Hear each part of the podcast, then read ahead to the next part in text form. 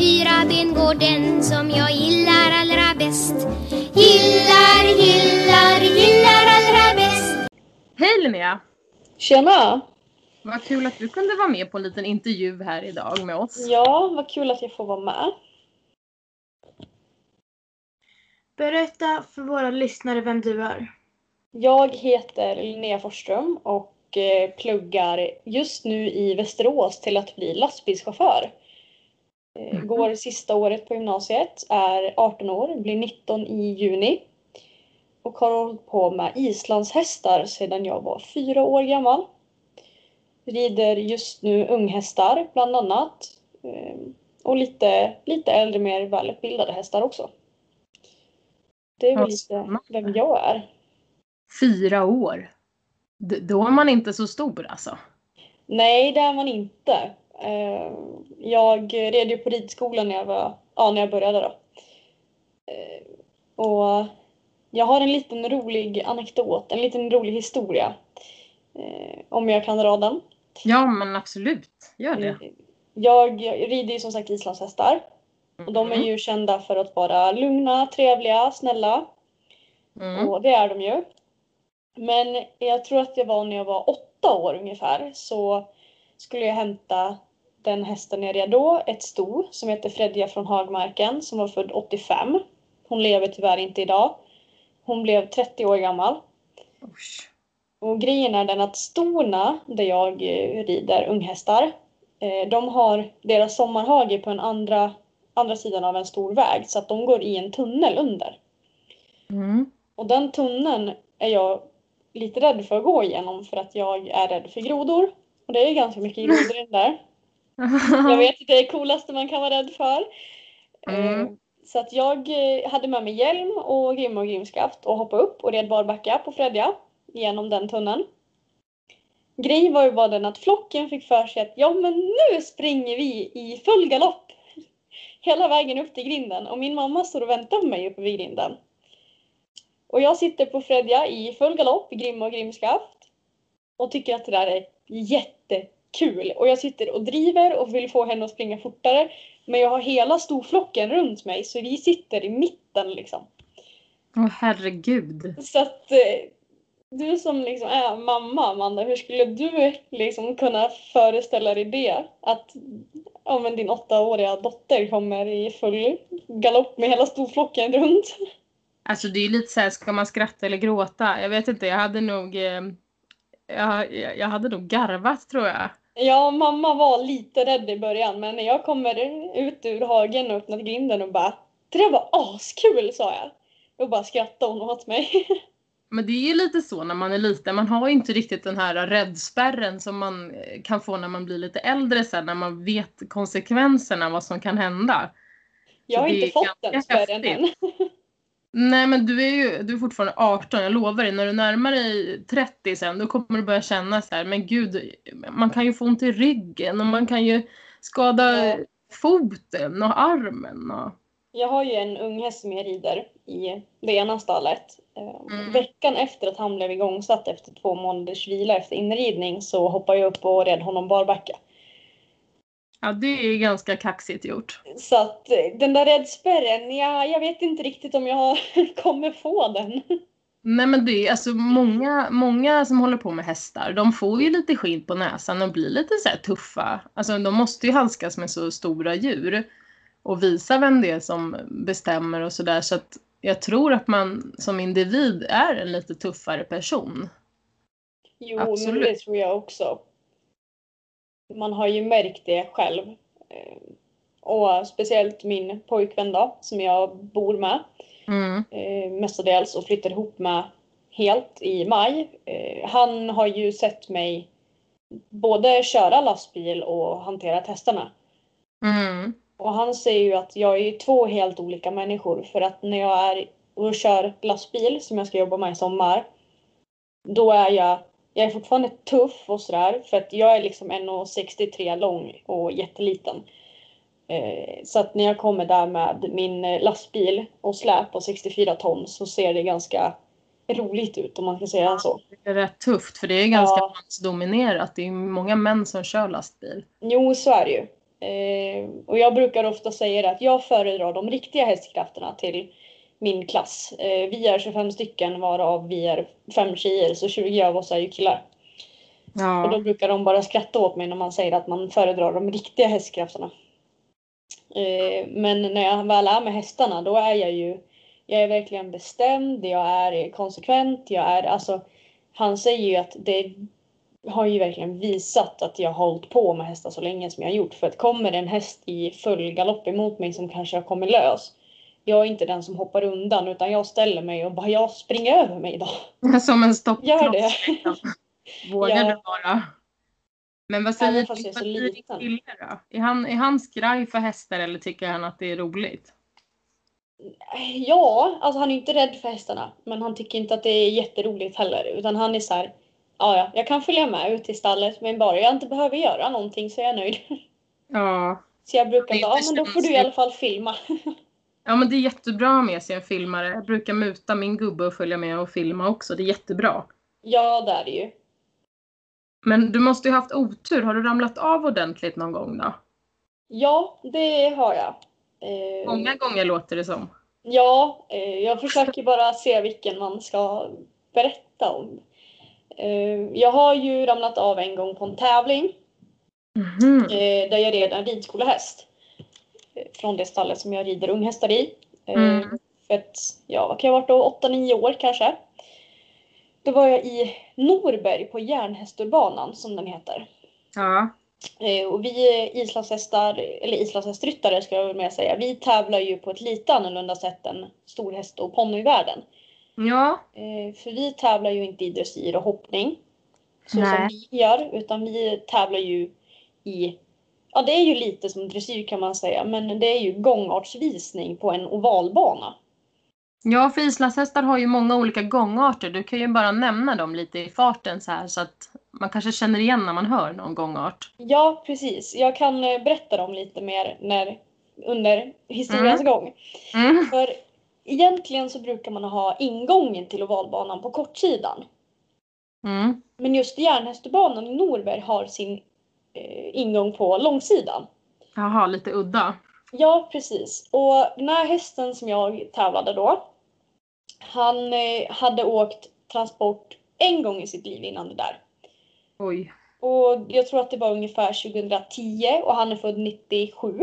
Alltså 1997. Jag tror att det var 2010 vi var och tävla. Eller om det var 2011. Mm.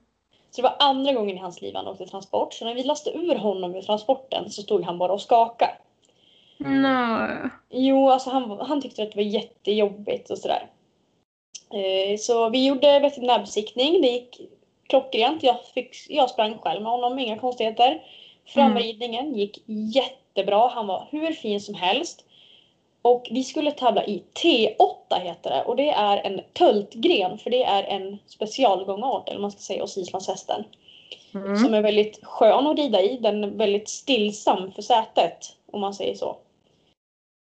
Och då Ja, för visar man... Ni som har sett tölt sådär så ser det ganska roligt ut. Det ser lite ut som att ni sitter i en fåtölj. Ja, det är ungefär så det känns. Mm. Så, eh, får man en ren tölt så är det som att sitta i en fåtölj helt enkelt. Och det är Mm. jätteskönt. Det är en bekväm gångart. Och sådär. Och sen, eh, ja vi kommer in och ska rida i vänster varv. Och eh, eftersom att gång, eller ingången är ju på långsidan. Så vi hinner rida en kortsida, första kortsidan i vänster varv i tölt. Innan han sticker i galopp. Jaha. Och jag Han var var inte beredd. och jag var lite dum på den tiden och sa att till min mamma jag vägrade ha säkerhetsväst för att det skulle förstöra kavajen och förstöra utseendet. För att jag tyckte att det var bättre att vara fin än säker. Ja. Så jag åkte av och eh, krossade svanskotan. Nej, aj. Ganska så rejält. Men fy. Eh, och eh, det var ju första tävlingen, första grenen för dagen. Och min mamma var ju med och skulle tävla sin tävlingshäst som hon hade, som också är en häst på ridskolan. Ja. Så att eh, då så sa jag att jag tänker inte tävla mer idag. Så mamma fick ta min häst och tävla i V5, vilket är fyrgång. Då visar man Tult, trav, skritt och galopp. Mm. Så att mamma fick rida både T8 med sin häst och sen fick hon rida V5 med sin häst och V5 med min häst. Hon måste sovit rätt bra sen kan jag tänka. ja, det gjorde hon. Ja. Eh, Så att det är väl, jag tror att det är den värsta avramningen jag har gjort. Den Inför roligaste krig avramningen jag har gjort eh, är ju uppe i ridhuset, i det stallet där jag red, också på den här hästen Fredja då. Mm. Hon stod still och jag åkte av. Det är nog den mest roliga ra- avramningen jag har gjort. Hur gick Hon det? gjorde, ja. Jag tror att det var när jag skulle ner från att jag stod på hennes rygg. För vi, jag var väldigt så här voltige-ryttare. Jag stod på ryggen i galoppen och i trav och sådär. Bra balans. Ja, lite grann. Mm. Så jag tror att det var när jag skulle gå ner från att stå till att sätta mig. Så tror jag att det var att jag tappade balansen lite och sen åkte jag av. Ja, det var ju tur att det var stillastående då. Ja, men lite så. Fast man kan ju även skada sig när, när, när det inte går så fort. Och det, det Ja. tror man ju ibland inte. Nej, man tror ju att man ska skada sig mest när man åker av i hög fart, liksom i typ full galopp kanske eller någonting. Ja, precis. Eller i pass till exempel, som islandshästarna också har. Ja, och pass finns det finns väl, om inte jag har fel nu, nu får du rätta mig, men visst finns det något som heter pass och så någonting som heter flygande pass? Det är ungefär samma sak. Eh, flygande pass är bara att du har ett mer svävmoment än pass. Man brukar säga pass, mer så. Ja, okej. Eh, men det heter ju flygande pass. Och flygande pass en gångart om... Jag vet inte om alla som lyssnar på podden har sett hur kameler går. De går ju med höger framben och höger bakben samtidigt fram. Mm, ja, Sen precis. vänster sida fram samtidigt. Islandshästarna går ju exakt så men fort. Väldigt fort Ja, med ett svävmoment. Superfort. Ja. Eh, och vissa travhästar kan också gå passgång. Då säger man att de går passgång. Ja, De får ju inte upp samma sväv och sådär. nej. Inte samma spänst. De är lite Nej, tyngre precis. också. Ja. Nej, så att det är väl de fem gångarter en islandshäst kan ha. Ja, just det. Ja, det är lite häftigt att det finns så många. Jag har faktiskt provat tölta några gånger på så här islandsturer som vi har varit iväg på. Det har ju du också Mm. sett. Mm. Ehm, och då ibland kan det vara lite svårt att känna skillnaden på passen och tölten tycker jag. Ibland så dyker det upp lite, det dyker upp lite pass då och då i tölten på vissa hästar som jag har ridit. Ja, då blir de ju passtaktiga. Ja, man känner att det är någonting som händer men man kan inte riktigt placera om det var det eller inte liksom. Nej, och vissa hästar blir ju väldigt travtaktiga i tölten. Så just det att hitta en ren tölt, det är ju inte alltid helt lätt. Jag som har ridit i 14 år typ, alltså jag hittar fortfarande inte rätt takt på vissa hästar. Nej. Och vissa Men- hästar är ju svårare och vissa hästar är lättare och så kommer det alltid vara. Ja, men är det så att vissa kanske har avlats fram till att få en bättre tölt än andra? Absolut, så är det ju verkligen. Eh, tävlingshästar vill man ju alltid ha en, alltså en bra aktion och aktion är ju att de ska lyfta högt och snyggt på benen. Mm. Men med en bra takt i alla tempon. Ja, precis. För det är då du får högre poäng. Ska du fråga det här då Silla så kommer vi lite in på andra sidan. Har du ridit någon annan hästras förutom islandshästarna? Ja, det har jag. Eh, Jag har ridit i shetlandsponny. En del. Eh, Och sen har jag ridit min bästa kompis travare någon gång. Och sen har de haft någon annan stor häst som jag inte kommer ihåg rasen på. Eh, Men eh, jag har ridit lite storhästar och travhästar och shetlandsponnyer i alla fall. Mm, du har provat lite andra också. Men Ja. jag tänker, hur kom du in på ridningen från början då? Var dina, någon av dina föräldrar intresserade av hästar eller blev det bara... Min mamma har ju alltid varit intresserad av hästar. Mm, Eh, vi kallar ju storhästar för spindelhästar i min familj. Eh, just för att de har långa, långa ben och de är stora ja, jämfört med våra små islandshästar som vi har. Ja, det är lite Eh. lättare att sadla era hästar. Ja, så är det ju. Eh, Så att hon höll ju på med storhästar när hon var yngre. Mm. Och det började ju med, första gången jag red så var det ju på en shettis. Eh, som stegra och bocka och sprang och jag tyckte att det var så himla kul. Så att jag ville fortsätta. Eh, och då fick jag börja rida islandshäst. Eh, och sen vart jag fast därifrån. Och jag och mamma och min familj, vi har haft tre egna islandshästar. Första var en islandsimport som heter Humal Frahovi. Han var född 94. Vi fick ta bort honom 2010 för att han hade spatt. Mhm. Så det var väldigt tråkigt. Ja, det är 2000 alltid lite trist. 11 tror jag att det var. Då köpte vi ett sto som heter Vidja från Kalvsvik. Och då var hon dräktig med en hingst som heter Sedel Fraholum. Om det nu är någon som lyssnar på podden och vet vilka de vet, vem Sedel är. Eh, han är en silversvart hingst, väldigt fin om jag får säga så. Kan också vara för att mm, vårat sto är efter honom. Ja. Och 7 maj 2012 så föddes eh, Valkyria från Forsström, vilket är min uppfödning. Men visste ni om att hon var dräktig eller kom hon som ett brev på posten liksom lite extra? Nej, vi köpte Vidja dräktig, Ja, okej. gjorde vi. Eh, Spännande. men hon kom som ett brev just den dagen för att det var regn och åskoväder och de stod längst bort i hagen i trädungen. Eh, Så att eh, pappa åkte ju och kollade eh, henne varje dag innan jobbet. Ja. Och helt plötsligt en morgon så stod hon där.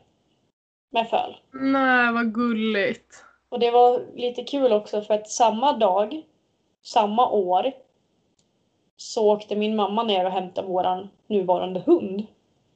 Mhm. Så att vi har haft våran hund och Valkyria lika länge. Vad Så det är lätt att komma ihåg. Ja, verkligen. Vad har ni för hund då? Eh, en blandras mellan jämthund, finstövare och gråhund. Ja, vad härligt. Då får ni lite motion. Ja, lite jakt. Ja, okej. Ja, men så kul. Är det pappa som håller på med jakt eller är det mamma? Det är pappa och eh, bonusmamma. Ja, okej. Ja, kul. Ja, det är mysigt med hundar också. Ja, det är det verkligen. Och hon var ju med när vi, ja när hon var valp så var hon ju med ute i stallet och sådär. Ja, gulligt. Ja, Vilket kön gillar du mest? Och då Oj. menar vi kön på häst, eller hur? ja, Annars är det ju tjejer såklart. Men alltså, på häst, vilket kön är bäst där tycker du? Vad föredrar du att ha? Ja, jag har ju sagt att jag eh, i framtiden ska köpa mig en eh, ett eller tvåårig hingst. Mm. Eh, Just för att det är så mycket häst att ha att göra med om man ska säga så. Alltså hingstar, alltså precis som ston kan ju ha sina dagar, sina bra och sina dåliga Ja. dagar. Definitivt. Men det känns ju som att hingstar är mer häst att rida och det behöver absolut inte vara så på alla hingstar för jag vet att det finns jag rider en hingst i andra stallet som jag är i och han är det är som en vallack att rida. Alltså jag eh, Mm. har ridit honom nu fyra gånger. Och första gången, eller de två första gångerna jag red honom så trodde jag att han var en vallack. Ja, det är inte så lätt att veta ibland. Nej, för att han var så lugn. Så här. vissa är verkligen lugna och det, det, det har man ju lite så här förutfattad mening om att men hingstar är helt galna. Ja, Eh, Jag har mött många han stod ju inne i stallet med massa ston och sådär så jag bara ja, ja, men det är en vallack. Och han var liksom så vallackaktig i hanteringen med. Ja. Så Ja, det var det tredje man- gången jag red honom. Då fick jag höra bara, ah, men kan inte du rida hingsten? Jag bara, jaha. Och då var det ju den hästen som jag trodde var vallax. Jag har varit så här, jag bara, men jag kan ju inte säga att jag trodde att han var vallack nu. Så jag bara, ja ja. Nej. Nej men vi, har, vi står ju i ett stall med 20 hästar och vi har en hingst i vårat stall. Mm. Och det, hade ingen sagt till mig att det var en hingst så hade jag ju aldrig, aldrig vetat det. Nej. Han det är så, vissa, hingstar, vissa hingstar är ju jättelugna. ja, Är de ju. Men eh, jag vill ju ha en, en hingst med temperament som är två år som jag kan få rida in och utbilda själv. Eh, Och om det inte blir det så vill jag ha ett sto med temperament. Jag vill ha hästar med temperament. Men vad är det du tycker är kul då med temperament? Att du får lite att jobba med liksom? Och, Ja, alltså det blir mycket häst att jobba med och jag tycker att hästar med temperament och hästar som typ stegrar och bockar och sådär som är lite mer svåra att rida. Jag tycker att de är roligare just för att ja, men har du ett problem till exempel med att hästen inte vill gå av eh, stallplan och ut i skogen eller att den inte vill ridas på banan, ja men då har du verkligen någonting att jobba mot. Har du en häst som bara ja, ja och verkligen så här, ja men gör allting du ber om, då har man ju inte så mycket att jobba med. Så. Nej, så du drivs lite extra när du får lite mothugg liksom? Ja, och sen är det ju adrenalinet liksom som kickar in när hästen ställer sig på bakbenen och bockar och sådär. Du är Det inte är väl rädd för det. att hästen ska ramla och falla över i eller något då? Det har varit en enda gång som jag har varit rädd att slå över när en häst har stegrat. Ja. Eh, och då var det för att jag var ute i skogen själv. Eh, och det var verkligen, vi stod verkligen högt och jag var på väg att slå över. Och då kände jag att nej, det går inte. Och då fick jag hoppa av och sen gick jag hem. Då måste ju din puls varit ganska maxad. Ja, det var den. Och Men eh, jag nästan veckan efter så hoppade jag upp på den hästen och red ut ändå med, ja, då med sällskap. Men det gick hur bra som helst. Ja, jag hade ju tänkt fråga dig lite om rädsla för hästar och sånt där, men jag tror nästan jag stryker den frågan, för det låter ganska tuff faktiskt. Jag känner mig själv liksom rätt så mesig när jag lyssnar på dig. Nej, men jag, jag har ju växt upp med mottot att liksom, åker du av, är du rädd, upp igen. Du får inte bli rädd för hästen. Du, du, du får inte sluta. Du måste liksom, är du rädd för en häst och du vill sluta rida, rid klart den hästen tills du inte är rädd, så kommer du inte vilja sluta sen.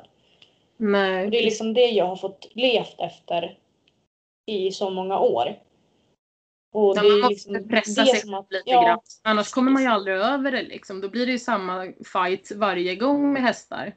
Mm, Man kan ju bli rädd för minsta lilla om man väljer att bli rädd. ja, precis.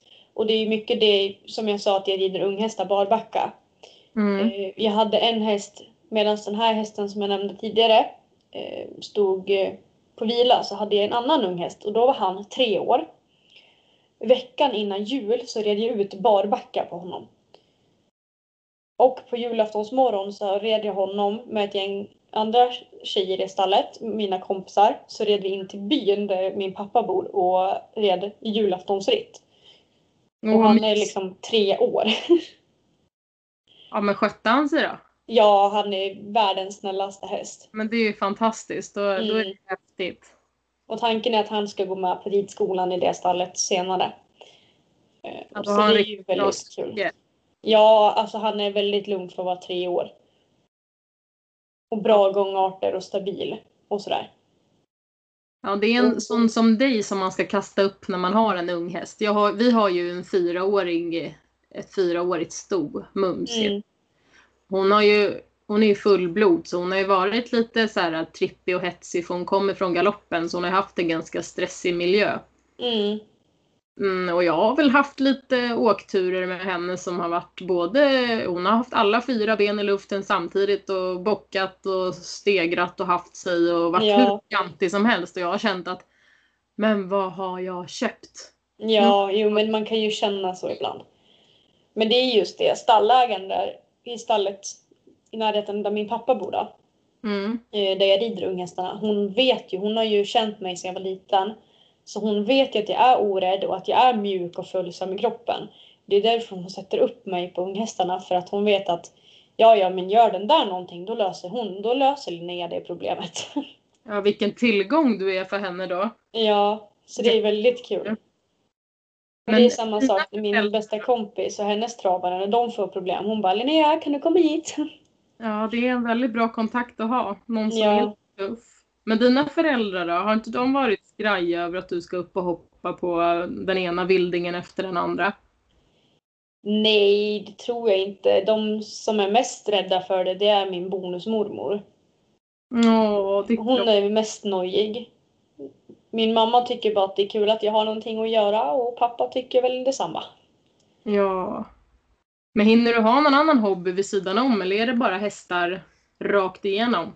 Det är ju lastbilsyrket också. Ja. För det är ju, det är ju inte bara ett jobb utan det blir ju en hobby och livsstil också. Det är ju att hålla lastbilarna i gott skick och tvätta och putsa och städa och se till att smörja och allting ska fungera. Det är ju samma sak med hästarna, att man måste hålla lite, Hålla efter hela tiden. ja, hålla koll och sådär så att ingenting är dåligt och går sönder. Nej, precis. Ja, det är, det är mer jobb än vad man tror. Man tänker att ja, men det här kommer inte ta så många timmar om dagen. Sen står man i stallet och bara, jaha, nu har vi varit här i snart tio timmar och vi är inte klara. Ja, precis. Det är ju verkligen så här, ja, men om man säger till sin, ja men som min kille då, så här, ja men jag ska vara i stallet i två timmar och sen tror man att man ska dit och rida sin unghäst man har tilldelad.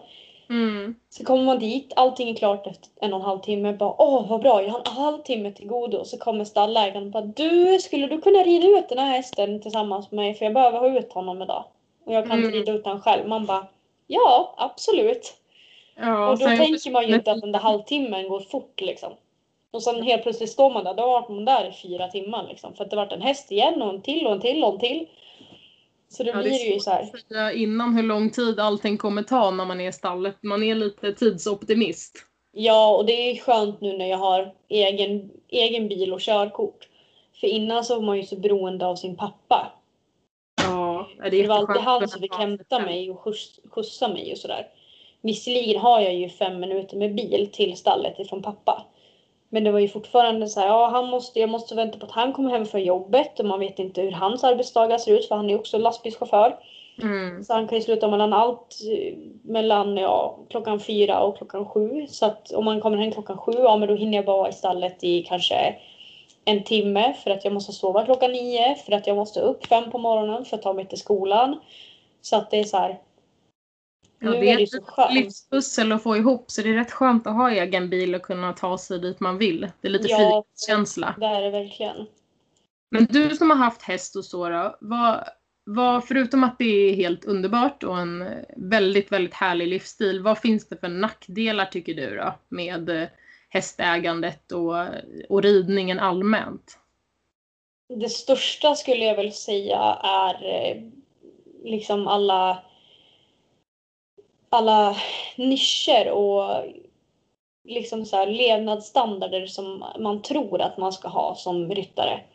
Att, eh, och liksom så här förutfattade meningar. Att ryttare är rika, att eh, eh, att man har matchande sätt och du ska ha matchande ridbyxor till ditt schabrak och det ska vara matchande huvud.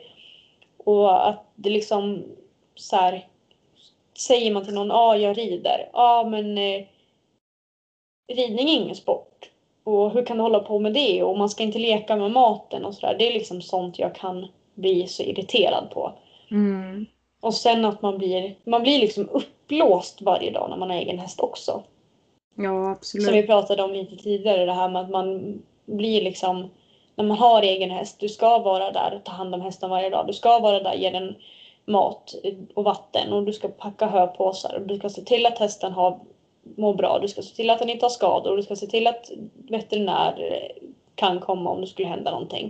Du ska se till att veterinärkostnaden eller veterinärfakturor och för, eh, försäkringar är betalt. Och det är så här, allting är ju verkligen, du är verkligen uppblåst då. Mm. Ja, men det här med att det är snobbigt och stroppigt och dyrt och att man är rik och jag kan ju känna att man prioriterar ju sig själv lite mindre så att man kanske inte har samma budget för vardagsshoppingkläder och smink och hårprodukter och allt vad det är som man kanske hade innan man skaffade häst. Nu går ju Mm. pengarna på en ny grimma, lite mera kraft, en Mm. müslipåse för 300 kronor i veckan och man liksom man lägger sig själv lite åt sidan så att det går väl egentligen inte åt så himla mycket mer pengar än vad det gjorde när man drack latte och åt på restaurang varje dag. Nu blir det ju liksom en pirog eller en Billys eller någonting snabbt i eh, stallet så att man har ju dragit ner på sådana kostnader som många andra faktiskt har. Ja, och jag tror att det är därför folk tänker så här, ja men du lägger så mycket pengar på hästar och sådär. Och kollar man på den utrustning som jag har, jag har ju som sagt ingen egen häst. Eh, med den utrustning jag har, jag har fem kompletta träns med bett och eh, pannband och nosgrimmor. två, nej tre par tyglar. Eh, om jag har sex eller sju grimmor med tillhörande grimskaft. Eh, ett rid, nej, tre ridspön. Tre par viktboots. Fyra par klockor, alltså så här gummiboots och reflexboots. Eh, jag har fem eller sex schabrak, en voilock, en hjälpad. Eh, hjälm såklart, täcke, transportskydd. Alltså jag har allt till en egen häst. Men jag har ingen egen häst. Jag, då förstår jag också de som så här, tittar på mig när jag rider andras hästar och så här. Ja men man är så rik, man kan köpa egna grejer fast man inte har en egen häst. Mm. Ja, men hade jag varit rik då hade jag väl köpt en egen häst också. Ja, precis. Och de grejer jag har, det är från de hästar som jag har haft. Jag har ju Mm. haft två, två stycken ridhästar och ett föl.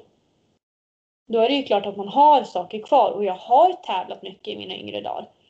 Som jag skrev till er, eh, som jag inte har sagt. Jag har ju tävlat lag-SM till och med i, med islandshästar. Ja, jag såg att du hade skrivit det. Gud vad häftigt. Det är Ja. jättestort. Och då var jag tio år.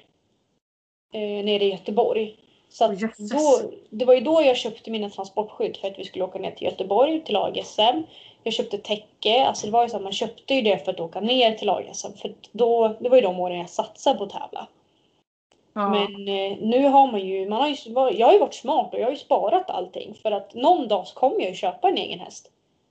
Och då har jag, behöver jag inte köpa en ny sadel eller nya träns eller ny grimma eller transportskydd och täcke och sådär. Utan Nej. då kan jag komma med transportskydd, täcke och lädergrimma för det har jag ju. Du kan ju Ja. komma med det när jag ska hämta min häst och bara så, nu åker vi. Nu är det klart. Ja, det är samma sak som second hand och begagnat på Marketplace och på Instagram och alla ställen man kan handla. Man behöver ju faktiskt inte springa i den dyraste ridsportsbutiken i Sverige och handla utan det funkar ju precis lika bra att köpa begagnat av folk också tycker jag. Ja, så är det ju. Jag eh, har ju typ aldrig ridit med ridstövlar. Men jag kom på att i år bara, nej men jag måste få bättre stöd i sadeln när jag rider unghästar. Mm. Så jag la ut på min Facebook och frågade om det var någon som hade ridstövlar i storlek 39-40. Och då skrev en kompis mig, ja jag har ett par som du kan få köpa för 200 kronor. Jag bara absolut. Mm, Så då ser, man mötte kan jag göra... henne och köpte dem för 200 kronor och det är det bästa köpet jag har gjort. Ja, perfekt ju. Och det är jätteskönt att ha och det är så här, ja men man behöver inte köpa så mycket nytt. Nej. Och nu när man ska tänka mer på miljön, alltså då behöver man ju absolut inte köpa nytt. Nej, verkligen inte. Och sen är det ju lite det här med utseendehetsen som är hela tiden dels i vardagslivet för icke-ryttare. Men sen Mm. är det ju många som hör att man rider, de tror att vi går runt och ser ut som de på reklamen i högstidningen. Ja, det, det är lite skrattretande nästan för man ser ju även riktiga tävlingsryttare i dressyr eller vad det nu kan vara går liksom runt med fettigt hår i en knut mitt på huvudet och funkisbyxor och jobbar i stallet. Så att vi ser ju inte ut som fotomodeller på fritiden direkt. Nej, och jag tycker ju att systrarna Elfstrand tar ju upp det där väldigt bra tycker jag. Mm. Eh, De har ju pratat väldigt mycket om det här med kropphets, kroppshets och ideal inom ridsporten. Eh, Och fat shaming och så vidare. Ja. Det tycker, jag tycker att de har väldigt bra idé. Alltså, jag tycker att de säger väldigt bra saker om det. Mm, vi har Jag faktiskt tycker- kikat lite på dem på eh, deras kanal på Youtube. Mm. Det är ganska viktigt att ta upp det. För att det ser väl säkert likadant ut inom många sporter. Det är samma sak att man ska ha det senaste, dyraste, nyaste och man ska följa alla de här nya trenderna och märkena som kommer. Mm. Det blir nästan som att man glömmer bort att det finns, det finns märken som är, billiga men som också har bra kvalitet. Ja, Det precis. dyraste behöver inte alltid vara det bästa så att man kan hitta en liten skön mix på att köpa någonting unna sig någonting extra fint då och då och sen så kan man ju faktiskt hålla sig till att ha en bas som är lite billigare. Ja. Så det finns det ju ju. många budgetkedjor som faktiskt inte alls är så himla tokiga tycker jag. Man behöver inte handla det dyraste hela tiden. Nej, och speciellt nu när det är corona så då tycker jag då ska man ju verkligen försöka hitta de här lite mindre ridsportsbutikerna. Mm, och stötta dem lite. Ja, precis. För jag menar till exempel Högs, Maja Dolores eh, och sådana där. De, de klarar sig för de har ju så stor vidd ute i världen. Mm. Men om man går in och kollar på de här små företagen som säljer ritsaker. Mm. Men de kanske bara skickar inom Sverige. Men beställ ifrån dem för att Högs och Maja Delores och alla de andra som är stora, de kommer klara sig. Ja, det gör de alltid i vått och torrt liksom. Ja, precis. Så jag tror ju det är mycket också det att man måste börja kolla lite på andra butiker än bara de man är van att kolla på. Ja, precis. Stötta alla småkedjor. Ja, precis. Och sen det kanske är fem kronor mer på en produkt. Ja, men jag är så villig att lägga de fem kronorna på den produkten för att stötta det lilla företaget än att spara fem kronor på att stötta ett större företag som ändå får in de pengarna jag inte skulle ha lagt om jag inte hade handlat hos dem. Nej, exakt. De kommer, de kommer ju få in dem ändå. Ja, det kommer de. Ditt bästa hä- hästminne? Mitt bästa hästminne? Ja, nu blir det svårt. Nu får du välja ut ett bästa. Ja, Mm. ja, undrar om jag inte ska välja när Valkyria föddes. Ja, det måste du ju nästan göra. Ja, för att Vidja, Valkyrias mamma då, eh, som vi ägde, hon var väldigt så här att nej, ingen ska få komma nära Valkyria. Nej, nej, hon är min. För det var ju första gången hon fick föl. Eh, så Valkyria är ju hennes enda föl. Så hon var ju så här, nej, jag måste skydda henne. Eh, men eh, sen skulle jag gå fram och då Vidja så här putta fram Valkyria till mig. Och bara, ja men henne får du hälsa på. Hon är trygg. Henne kan du få vara med. Ja, så att jag satt ju i timmar med dem i hagen och Valkyria liksom lukta och pussa och sådär. Så att, och det har ju gett resultat från idag. Hon blir ju nio nu i maj och ser hon mig i hagen och hör min röst när jag bara Åh, Vallis, då tittar hon upp direkt. Även om hon står och äter så tittar hon upp och så kommer hon och så här, huhu, huhu, så här gladfrustar typ. Ja, men det är kärlek från djuren. Det är mys. Ja, det är det verkligen. Och det som är det bästa är ju att vi fick ju sälja Vidja och Valkyria eh, 2013. Mm. Men det var min bonusmorfar som köpte Valkyria. Så hon är ju fortfarande kvar i familjen. Har du kontakten fortfarande? Ja, precis. Hon är fortfarande kvar i familjen. Så det är ju Hur- min bonusmamma som rider henne. Hur var lilla Wallis då när hon var föl? Var hon en riktig liten sparkis och busråtta eller var hon Hon är silversvart. Mm. Eh, Så att hon, eh, vi kallar ju henne för älgen när hon var föl. Ja, Eh, Hon såg ut som en riktig älgkalv. ja Hon hade världens längsta bakben. Mm. Och var liksom så här, ja men hon var ju blöt när hon föddes. Hon såg verkligen ut som en älg. Mm. Så att hon hade ju verkligen, alltså hon var så oproportionerlig och verkligen lång i bak och kort i fram och framtung och vi bara åh vad ska det bli av henne? Men så fort hon satte igång och springa i galopp eller någonting, alltså det var den, alltså det var den gulligaste galoppen jag någonsin har sett. Ja, vad häftigt. Så Ja, det de ser ju liksom lite så här gängliga och roliga ut fölen. Sen blir Ja. Finare och finare nästan ju äldre de blir och ju mer de liksom rör sig i hagen fritt. Ja, men så är det ju. Det var samma som vi såg med våran lilla Mums här. Och vi har Mm. inte riktigt kommit igång med galopparbetet för vi har lugnat ner henne efter hon har varit i galoppen. Ja, men precis. Men så såg vi några galoppsprång i hagen häromdagen som var så fina så vi såg att hon kan. Det kommer bli ja, bra och det var verkligen så här häftigt att se det i hagen. Att vad, vad pampigt det såg ut. men det är liksom, så kul att se. i. Det är det som är så roligt att se också. Ja, jättehäftigt. Ja men vad mycket info vi har fått. Vi känner ju nästan dig nu. Ja, Alla polyfjonker som lyssnar vet vem Linnea är nu på pricken. ja det är bara att hoppas. Ja.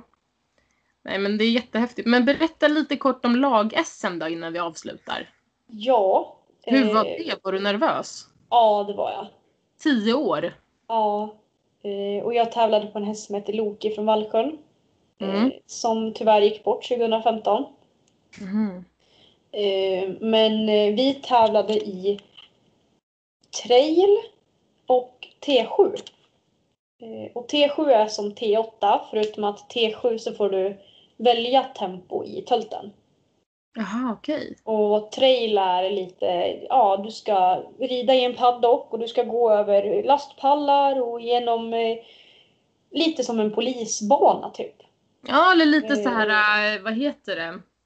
Working equitation. Ja, precis så. Eh, så du ska gå över lastpallar och öppna brevlådor och gå under eh, så här pool noodles, vad heter de? Och lite så här serpentiner och grejer. Det är lite västernridning nästan. Ja, och sen det är ju två grenarna och man är ju ett lag. Man får rida där mellan 9 och 18 år. Får man vara med på lag-SM. Jag tror att det är ett lag på, vad var vi? Sex stycken. Mm. Eh, Så alla rider två grenar var. Man kan vara fyra, då rider man tre grenar var. Eh, Och sen är det ju, ja det är pass, det är flagglopp och dressyr och lite sådär. Gick Lite det gångmatchträningar.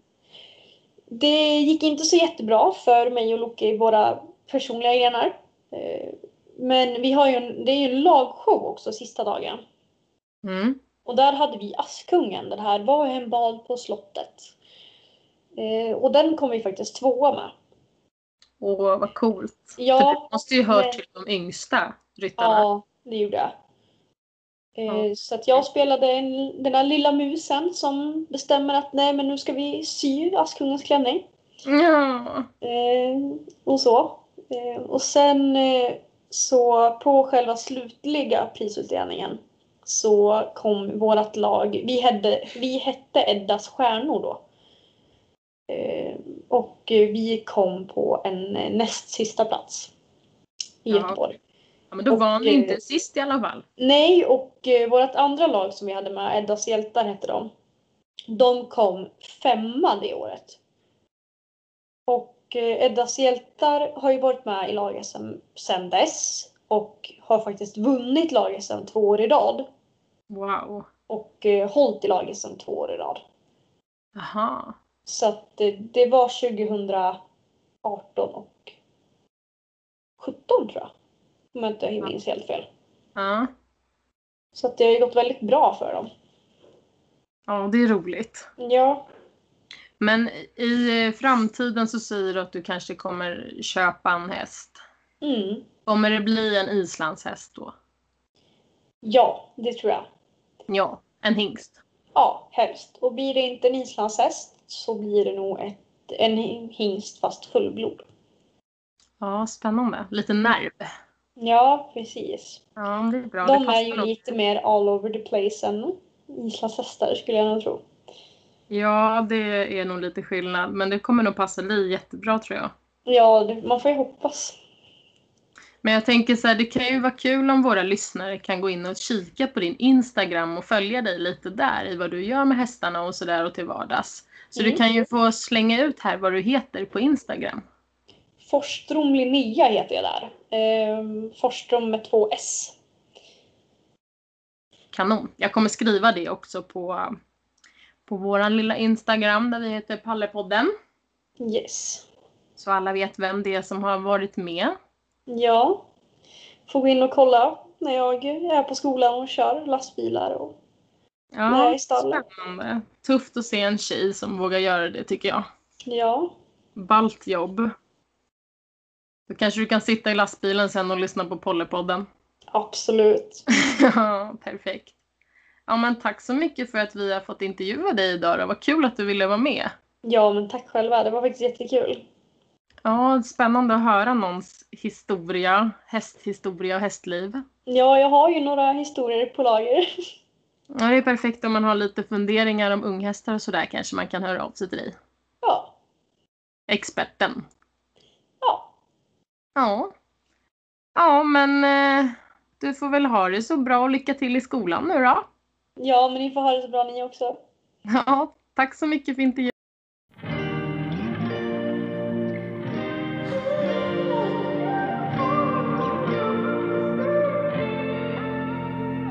It's beautiful, it's bittersweet. You're like a broken home to me. I take a shot of memories